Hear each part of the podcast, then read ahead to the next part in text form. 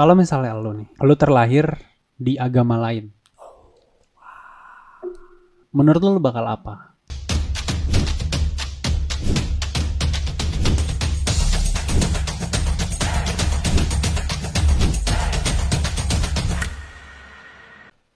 Jadi yang gue bingung tuh kayak, lo kan setuju sama teori yang tadi gue sebutin. Tapi lo tuh pengen bikin pesantren gitu. Kayak Iya. pandangan lo tuh gimana? Jadi gini, masalah sekolah, pesantren dan sebagainya itu adalah salah satu wasilah, salah satu perantara menuju pendidikan, menuju ngerti nggak? Menuju Edukasi. pendidikan, tapi bukan satu-satunya. Gua nggak pernah mondok, Hmm. tapi gua dididik dengan didikan agama, dengan didikan pelajaran-pelajaran agama dan sebagainya. Dan banyak orang yang melakukan bukan bukan cuma satu atau dua. Banyak orang yang bilang, "San, kamu pernah mondok di mana?" Terus aku bilang, "Aku gak pernah mondok. Aku gak pernah mondok gitu." Dan aku jelasin.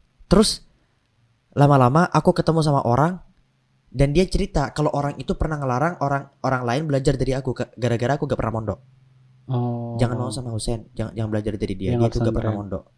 Gua kalau di di pikiran gua pondok pesantren itu salah satu perantara menuju orang untuk tahu, untuk berpendidikan, untuk mendapatkan pendidikan, tapi bukan satu-satunya. Hmm. Maka aku ingin eh, maka gua, aku gua dari tadi pakai apa? Oh, pakai gua ya? Gak tau. Lupa. Gua. Jadi gue ini menyesuaikan. Kalau gua ngomong sama Hmm. itu kadang saya saya Anda, saya kamu, Kadang kadang, sayang. aku. Lanjut. Nah, jadi eh, gua pengen menjadi salah satu eh pengen menjadikan sekolah ini, sekolah gua, pondok pesantren gua sebagai salah satu pelopor pendidikan. Gitulah bahasanya. Hmm, paham. Gitu. Jadi lu pengen ikut serta di Ikut serta. memajukan, Memajukan. in a way gitu ya. Paham, paham. Gue pengen bahas ini sih tentang prinsip hidup lah, tentang kehidupan. Hmm. Menurut lu nih, satu hal terpenting dalam hidup tuh apa? Tapi bukan gue pengen nanya tuh kayak selain agama. Karena gue tahu agama iya, tuh penting iya. I know, I know. Jadi buat general biar bisa diambil sama General. semua orang. Jadilah terindah, niscaya kau melihat semuanya itu indah. Itu sih. Kun jamilan itu itu sebenarnya quotes, bukan quotes agama ini sebenarnya. Kun jamilan taralu juda jamila. Dan itu bio Instagram gua. Oh iya, Nih. Mulan Jamila. Mulan Berarti Jamila. Jamila arti itu ya? Nih. Gue gak pernah baca. Tuh, ya emang tulisan Arab. Hmm. Kun jamilan taralu juda jamila. Oh iya benar. Jadilah terindah gitu bahasanya. Niscaya Hmm. kamu akan melihat semuanya indah. Jadi jadilah terindah tuh dalam artian mindset. Main bisa jadi mindset, bisa, iya mindset tentunya mindset. Mindset ya. mindset. Ketika lu ngelihat semuanya itu kayak indah, ketika mindset lu udah bagus, kayak lu nganggep bahwasanya segala hal yang terjadi di dunia itu kayak oh, it's good. Hmm. Lu dapat masalah. Masalah ini bakalan jadi penguat untuk masalah yang kan yang akan lu hadapin. Positif. Positif. Jujur, gua kalau kena masalah, ada beberapa kaidah yang gua tetapin ke diri gua. Yang pertama, dan itu kayak impact positif. Yang pertama, gua gak pernah menganggap masalah itu akan bertahan abadi. Hmm. Benar. Jadi setiap kali gue dapat masalah, ah masalah ini pasti akan selesai. Jadi yang pertama kali gue pikirin apa? Masalah ini pasti selesai, gak akan bertahan lama. Jadi ketika itu bikin kayak nyuntik dan nembakin gitu ke otak gue, kayak lu lu bisa ngadepin itu semua gitu. Terus yang kedua, yang yang gua yang yang gua gua yang gua pikirin kayak masalah yang gua hadapin sekarang ini adalah sebagai penguat punggung gua di masa depan. Karena di masa depan tentulah bakal ada masalah yang lebih besar lagi. Dan gara-gara masalah ini sebagai tangga menuju masalah yang akan lebih besar sehingga aku lebih kuat ketika akan Benar. menghadapi masalah yang lebih besar lagi. Gitu. Dan menurut gue mindset itu tuh penting banget karena gue sering banget ya ngelihat di sekeliling gue orang dapat masalah karena nggak berpikir positif mereka nggak bisa dapat hal positif dari masalah itu. Iya. Karena sering banget kayak Tuhan atau even buat orang yang nggak percaya sama Tuhan, lah, Tuhan, yes. kayak masalah tuh datang selalu dengan sesuatu gitu. Iya. Nah. inna ma'al usri. Nah, ada ingat yusra.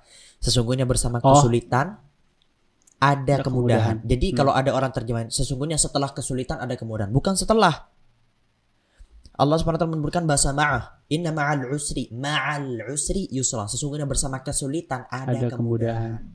Jadi Dan di kayak- sisi lain ada ada kayak ketika lu dapat masalah, ada solusinya, ada jalan keluarnya dan ada hikmahnya. dan bahkan di belakangnya ada pelajaran kan. Iya, ada itu ada hikmah. emas yang datang itu. Mm-mm. Nah, nah, makanya Nah, maksud gue kayak itu tuh penting banget karena sering banget men yang orang tuh dapat masalah ngeliatnya masalahnya aja, bukan solusinya, bukan hikmahnya gitu. Iya.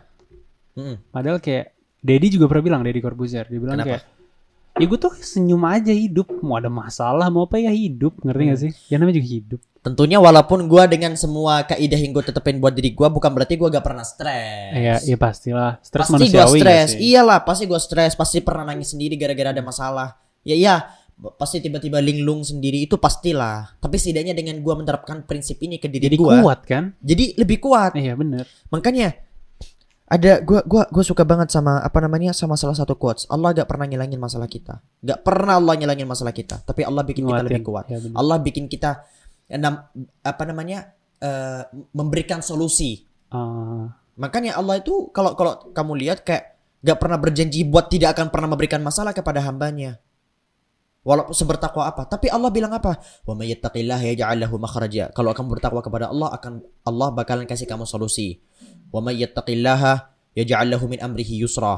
Kalau kalau kamu bertakwa kepada Allah, kamu bakalan di- diberikan kemudahan. Banyak. Intinya janji Allah itu bikin kamu keluar dari masalah itu bukan tidak memberikan masalah. bener Kalau semisal seorang hamba, seorang manusia ini gak diberikan masalah, ya kayak sahamba kalau kalau kita bertakwa jadi orang yang soleh sama Allah kita gak berikan masalah, tentunya Nabi Muhammad gak bakalan dapat masalah. Lah orang terbaik Iya, sekelas Nabi benar. Muhammad aja dapat masalah. bener-bener dulu gue pernah sampai punya mindset kayak ah gue gak mau jadi orang baik pas gue Kenapa? kecil gue gak mau jadi orang baik banyak cobaan. Gitu gue mikir kayak gitu. Semuanya bakalan dapat Iya, cobaan. gua- gua sempet- Semuanya. gue sempat mikir kayak gitu. Terus juga- Hujatan, semuanya. terus juga gue pernah denger ini sen kata kata katanya nih ya. Gue gak tahu lu setuju atau atau enggak dia bilang kalau doa tuh jangan bilang dientengin masalahnya. Jangan minta kayak gitu minta dikuatin. Itu sama juga gak sih sama yang lu bilang? Minta di sebenarnya masih sama sih. Kalau lu berdoa, ya Allah, tolong masalah ini dientengin. kitanya yang Bisa jadi Allah mengabulkan doa itu dengan cara kamunya dikuatin. jadi kuat ya bener sih Gitu. bener sih ya intinya tujuan tujuan doanya itu juga Tujuan ya. doanya Ah. ke situ juga. Kayak ya Allah keluarkan saya dari masalah ini. Sebenarnya doa itu bebas-bebas aja. Lu Iya mau sih. doa apa pun bebas selama dosa eh dosa. Selama doanya doanya bukan memaksa, Hmm. bukan memaksa, bukan berdoa dengan hal maksiat. Sama kayak beberapa orang nanya, boleh gak sih kita kita nyebut orang ketika berdoa boleh nyebut kayak nyebut gua gua pengen berjodoh sama si A. boleh Terus gua nyebut nama. Ya boleh. Hmm. Yang nggak boleh itu maksa dengan cara apa? Ya Allah, jadikanlah dia jodohku. Apabila dia bukan jodohku, tolong matikan jodohnya agar aku menjadi jodoh. lu, lu tahu kan? Kalau dia bukan jodohku, maka tolong matikanlah jodohnya agar Mana agar dia menjadi jodohku. Lu tahu gak? Oh, itu, term- itu termasuk dari doa yang gak beradab. Hmm. Doa yang seakan-akan memaksa takdir Allah Subhanahu wa kalau taala. misalnya yang kayak kalau misalnya dia bukan jodohku ya carilah yang mirip-mirip dia gitu Ah, itu bisa. Itu bisa. Itu masih bisa, itu gak ada maksa, itu gak maksa. Yang kesannya maksa, ya Allah, ya matikan jodohnya agar dia menjadi jodohku. Itu kak maksa. Ah, Atau tapi- lu berdoa maksiat. ngomong-ngomong ngomong-ngomong tentang doa sorry motong Gak apa Iya aman, aman. ngomong tentang doa boleh gak sih kita tahu doa lu apa setelah sholat Boleh. apa Doa yang gak pernah ketinggalan dari gua dua. Sebenarnya banyak. Eh, kayak ngedoain gue ya doa doa subah seharusnya gua doain. tapi tapi gua gua selalu menggunakan dhamir nah sering. Dhamir nah kami kami kami orang-orang beriman. Lu orang beriman nggak? insya Allah nggak tahu cuma Tuhan yang tahu Beriman lu. lu Iya. gue mau lu, lu beriman sama Allah kan? Iyalah. Beriman sama Nabi Muhammad kan? Iya. Beriman sama Al-Qur'an kan? Beriman Iya. sama malaikat. Ya udah lu beriman. Gak usah le- lebih deep. Oke, ada emang kayak eh, definisi yang lebih deep, tapi secara secara umum Hmm. General, lah. iya. Secara general lu beriman gitu Iya. kan. Nah, gua ber, gua mendoakan sih. Gua mendoakan tapi gak nyebut namanya gitu aja. Kayak Hmm. kalau diomongin, kalau diomongin doa yang gak pernah ketinggalan dari gua. Walaupun gua habis assalamualaikum assalamualaikum sambil jalan. Dua. Ah. Allahumma habib ilayya iman wa zay eh, Allahumma habib ilayna iman wa zayyinhu fi qulubina wa karrih ilayna al-kufra wal fusuqa wal isyan. Itu doa pertama. Ya Allah, jadikanlah aku untuk mencintai keimanan. Allahumma habib ilayna iman, mencintai keimanan, ya. Wa zayyinhu fi qulubina dan jadikanlah keimanan itu menjadi perhiasan di dalam hati kami. Kayak kita tuh senang loh jadi orang beriman, menikmati manisnya iman wa karrih ilaina al-kufra wal fusuqa wal dan buatlah kami agar membenci sifat kekafiran, sifat kefasikan dan sifat kemaksiatan. Jadi benci maksiatnya gitu, benci kekafirannya. Sehingga ketika kita benci kita kan nggak mau ngelakuin. Itu doa gua. Doa doa kedua gua jujur gue nih selalu doa ini. Apa? Allah marzuqni fatatan mutadayyinatan muta'allimatan jamilatan jiddan jiddan. Ya Allah berikanlah aku rezeki berupa seorang gadis. Jujur. Allah marzuqni fatatan mutadayyinatan yang beragama, muta'allimatan yang berpendidikan, Hmm. Jamilatan jiddan jiddan yang cantik banget banget.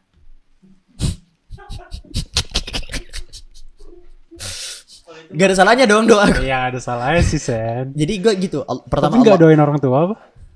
It- kan gue bilang doa yang gak pernah gue tinggalin yang dua ini. Bukan berarti gue gak ada doa-doa lain. Tapi kadang kan kita suka keburu. Hmm. Kayak Berarti lebih penting cewek nanti daripada orang tua ya. ngejebak. orang tua termasuk orang beriman kan? Iya. Nah makanya gue gua masuk Makanya masuk semua. Iya. Alasannya kayak gitu mulu. gitu. Tapi tapi gue gua selalu kayak eh Arbifli wali walidayya dan dan semuanya itu kayak include gitu kayak abis sholat. Tapi kalau ngomongin doa yang gak pernah gua ketinggalan, selalu Gitu. selalu gua gak ketinggalan. Assalamualaikum, assalamualaikum. Terus gua pergi gitu misalnya, kayak keburu ada sesuatu di, di jalan lah gua. ya. Allah mahabibli Ah. Allah marzuqni fatatan gitu. ya pokoknya cewek nggak lupa nggak pernah lupa oleh cewek. Ya gue pengen pengen gua Tapi menurut lo nih, pengen dapat perempuan soleha gua menurut lo, eh, kan tadi lo memasukkan kata-kata cantik tuh di doa lo. cantik. Menurut lo, Cantik di mata gua ya. aha, menurut lo harus nggak sih kita nyari, kayak penting nggak sih nyari cewek dari Penting. fisik? Enggak, fisik gini, masalahnya fisiknya itu yang cocok sama kita. Gua punya karakter yang gua yang gua suka. Dan itu mungkin berbeda dari karakter yang orang lain punya. Tadi kan lo taruh tuh kata-kata cantik di doa. Ah. Nah menurut lo penting gak sih nyari? Maksudnya penting gak sih kita nyari cewek tuh dari pasangan nyari Hmm. pasangan tuh dari fisik? Termasuk daripada yang dianjurkan idza nadarta ilaiha sarratka. Kalau kamu lihat dia kamu bahagia. Jadi yang sesuai sama yang kita ya, se- sesuai sama kriteria yang kita suka gitu. Dan sifat kes- kecantikan di sini sifatnya subjektif. Hati atau fisik gitu ya? Enggak, maksudnya sifatnya subjektif. Bisa jadi gua suka sama cewek Oh subjektif. subjektif. Kayak kalau orang mikir standar kecantikan begini-begini, Hmm. enggak, gue punya standar sendiri gitu bahasanya. Bukan standar lah, selera. Selera, selera Ah. sendiri. Kalau dibilang ah gua gua gua bad looking, bisa jadi bad looking itu adalah selera gua. Iya, iya paham paham. Ngerti paham. nggak? Bagi orang mungkin itu bad looking atau gimana, mungkin dia kalau Hmm. sadar Indo kan rata-rata putih dan sebagainya. Iya, Bisa jadi yang Padahal berkulit orang gelap, orang luar sukanya yang hitam Agak gelap, gitu. bisa jadi kalau di Indo kan yang putih. Bisa jadi gua gua suka sama dia, ya. Gua sama dia yang berkulit gelap. Nah, jadi kalau diomongin masalah cantik, di sini sifat cantiknya Hmm. itu subjektif. Cantik yang sesuai sama selera gua gitu. Selera lu kayak gimana? Siapa tuh open recruit itu buat netizen. jangan deh, jangan. Enggak jangan. jangan. Ntar beneran kirim email lagi. Eh, tiap hari gua, tiap Apa? hari mail gua sini CV CV. CV CV apa? CV CV ukti ukti. Serius? Iya, sumpah. Tiap hari. Assalamualaikum warahmatullahi wabarakatuh terus panjang gitu. Dulu waktu di awal-awal gue suka balas, sekarang udah Aduh, nggak deh, jangan deh gitu. ya. udah gak bisa, gak, gak kuat lagi tangan gue yang balas kak. Kirim CV, saya tinggal di sini, pernah gini gini gini, saya lahir dari keluarga yang begini gini gitu. Buat apa? Buat dinikahin. Kan gitu, ukti-ukti gitu, you know. Soalnya gue juga kirim waktu itu. Tapi ngomong tentang relationship nih. Ngomong-ngomong tentang relationship, San. Seriusan lu ngirim? Enggak, enggak, enggak. Apaan sih? Enggak, Soalnya- gue soalnya bercanda. Kalau, lu ngirim mau gue terima. A'udzubillah. Lo inget gak sih yang waktu itu Husain No, apa, no, udah lanjut. Ah, jijik. ngepost Ah. ngepost tentang cincin itu? Apa? Yang waktu Cincin itu ada, ya udah udah. udah. Nggak apa pura-pura lupa juga nggak apa-apa. apa? A'udzubillah, a'udzubillah, a'udzubillah, a'udzubillah, a'udzubillah, a'udzubillah, a'udzubillah. Oke, lanjut. Eh, gue gue pikirin ini kayak aduh nggak jadi nggak jadi. Eh, ngomong tentang relationship nih, Ah, gue kepo deh sama rencana relationship lo. kenapa? Kepo jadi bagian Lu tuh tipe-tipe anak yang semua tuh terencana.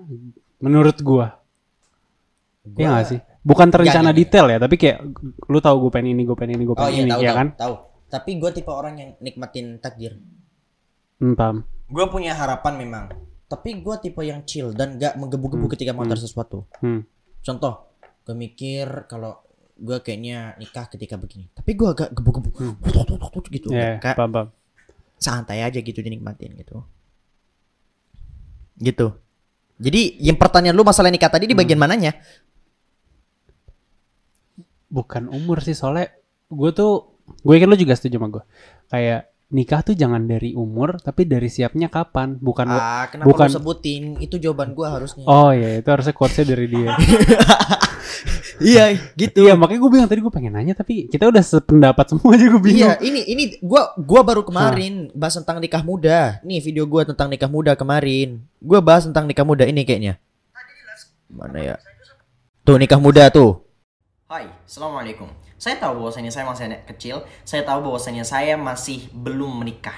Tapi saya punya opini pribadi saya dan izinkan saya juga untuk memberikan opini saya tentang nikah muda. Jujur, sebenarnya pertanyaan-pertanyaan semacam ini sudah sering banget muncul dan ditanyakan ke saya. Husen, apakah kamu mendukung pernikahan muda? Husen, apakah eh, pandangan Islam mengenai nikah muda dan sebagainya bla bla bla bla. Maka jawaban saya selalu sama. Saya tidak pernah mendukung nikah muda. Saya gak pernah dukung nikah muda. Jujur. Dan di waktu yang sama, saya juga tidak pernah mendukung pernikahan di usia yang dianggap oleh society, yang dianggap oleh masyarakat banyak sebagai usia matang menikah. Berapa? 25-26 yang dianggap oleh masyarakat banyak di Indonesia. Usia 25-26an kan? Nah, saya juga tidak pernah mendukung pernikahan dilakukan di usia itu.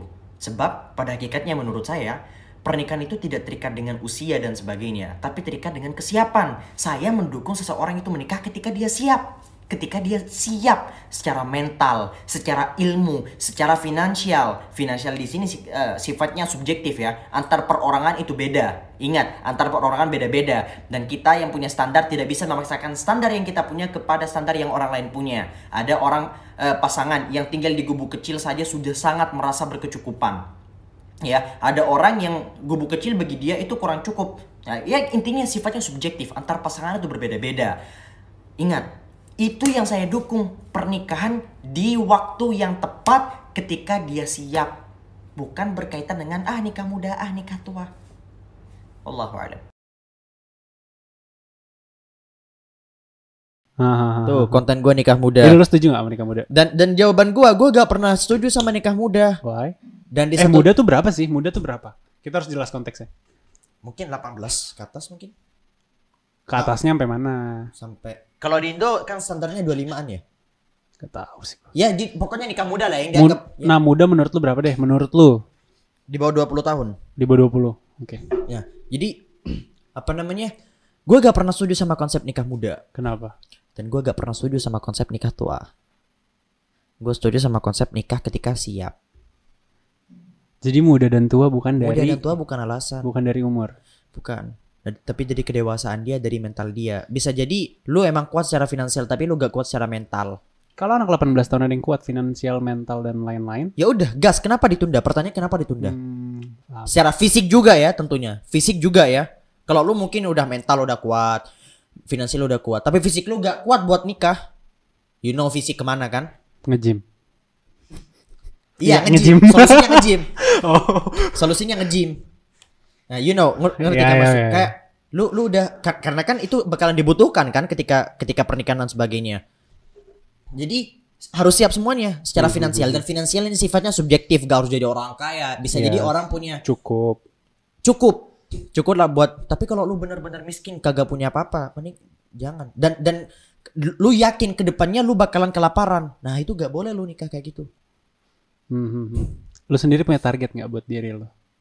gue punya target Bukan target nikah kapan ya? Iya. Nikah kapan kan kayak bukan tangan kita ya. target iya Siap kapan gitu.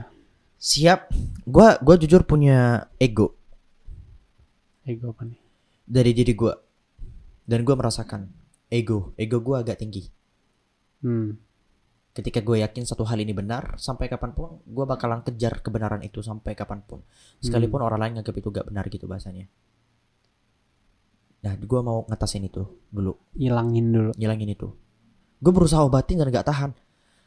Kayak ngadepin orang nih ya ngelawan ego sendiri tuh Berat. sampai gue beli buku itu di Gramet kemarin.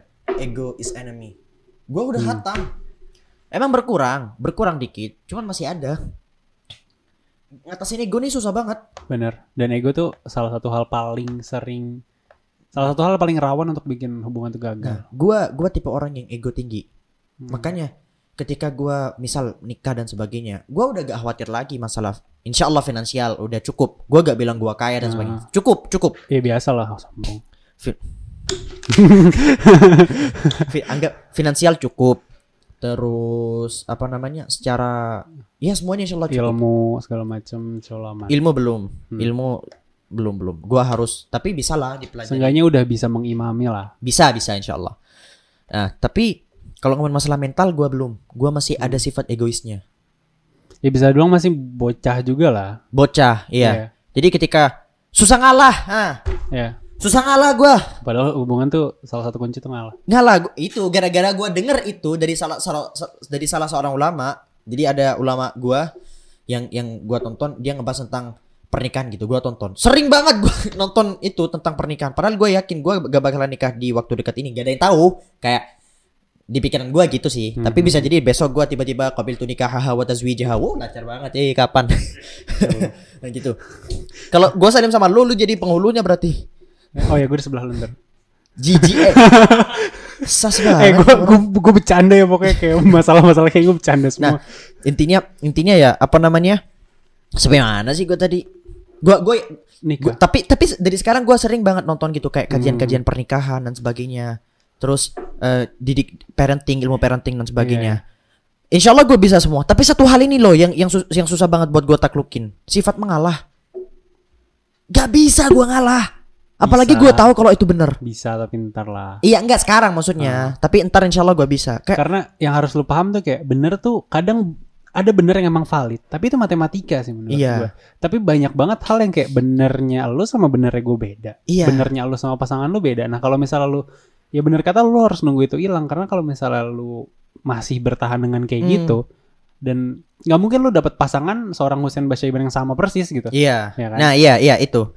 Jadi sambil gua latih sih akhir-akhir ini. Gua gua belajar buat Hmm. sedikit mengalah walaupun di hati gua kayak Hmm, paham, Kayak- eh, gua gua ketika udah ada ada di di ego gua nih, di di ego gua kayak merasa bener.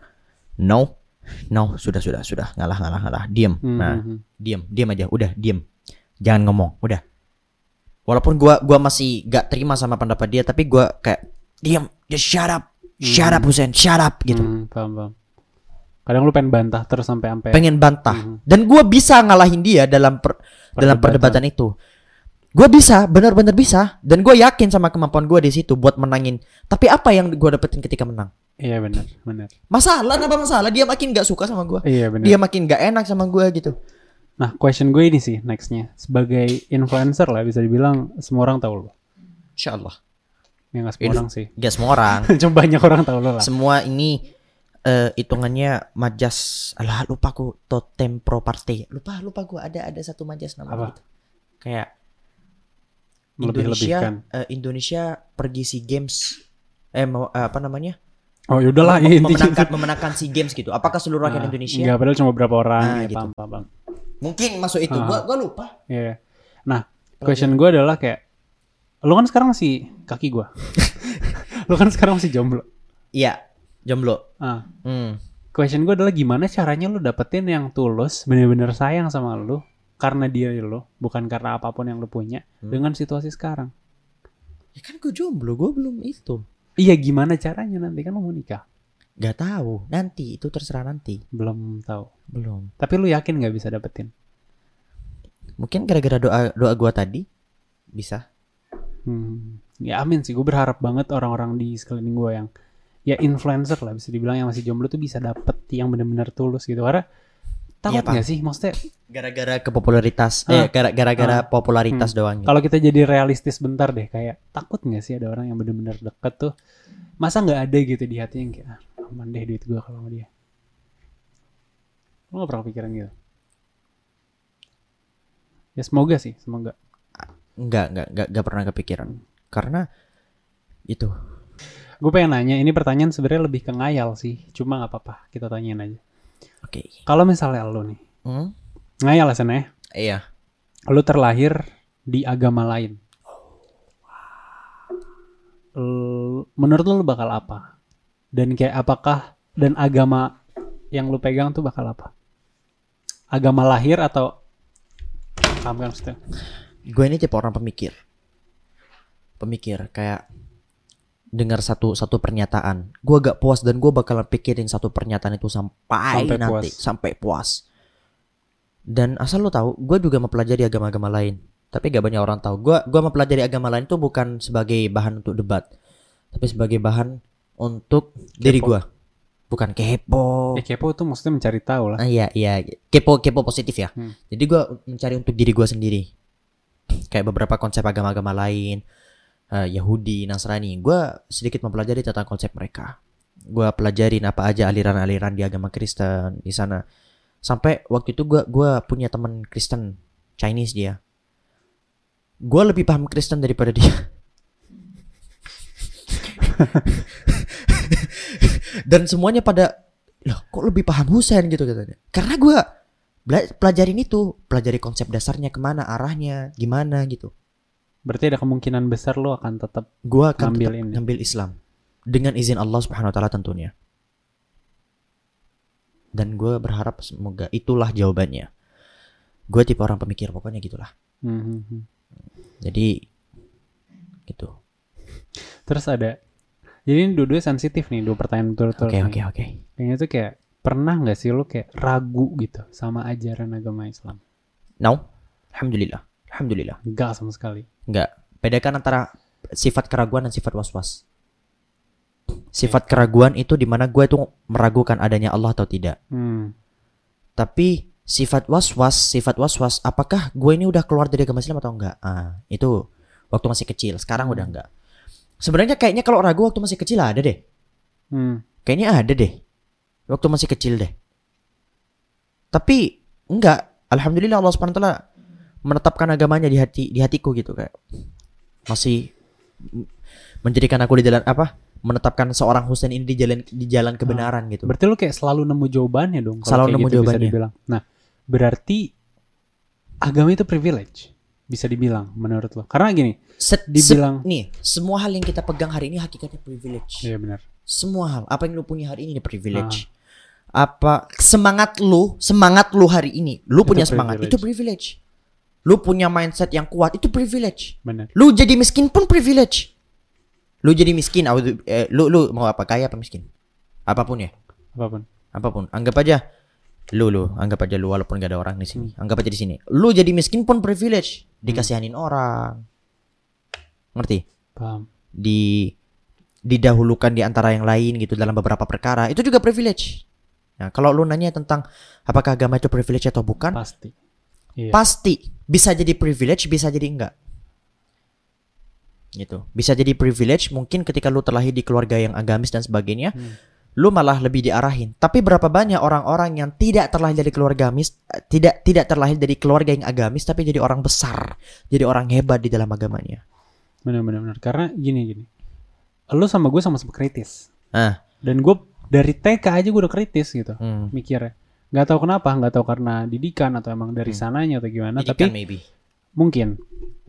Tapi masalahnya ini, gua nggak selalu dan bahkan sering nggak nemu jawabannya. hmm. Jadi ada titik gue inget banget, gue inget banget gue lagi di mana, gue duduk di mana kalau salah di mobil. iya Gue mikir kayak, ah udahlah, nggak semua harus ditanyain. Gue mikir kayak gitu, saking nggak nemu jawabannya. hmm. Gue tuh bener-bener udah mempertanyakan Tuhan dari TK, Mm-mm. dari SD gitu.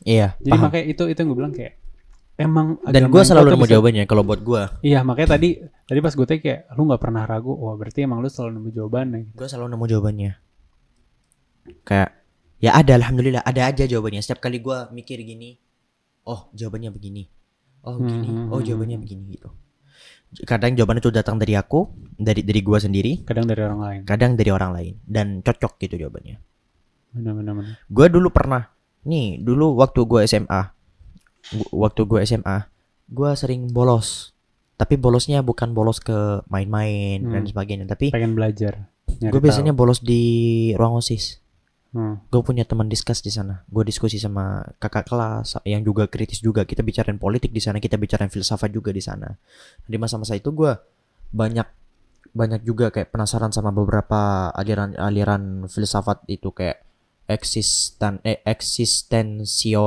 ah lupa Hmm. lawannya tuh nihilisme lupa namanya tapi intinya banyak orang-orang ateis yang Existential nihilism. nah iya ya. itu terlahir dari pemikiran kayak gini lo tahu gue bukan sibuk mempertanyakan ini benar atau tidak Hmm. gue sibuk mempertanyakan ini gimana cara ngebantahnya Oh iya ya. sampai gue ada di titik stres gara-gara satu teori yang dikeluarkan sama sama seorang filsafat yang ateis juga gue lupa namanya gue tuh capeknya bukan gue percaya sama Islam gue.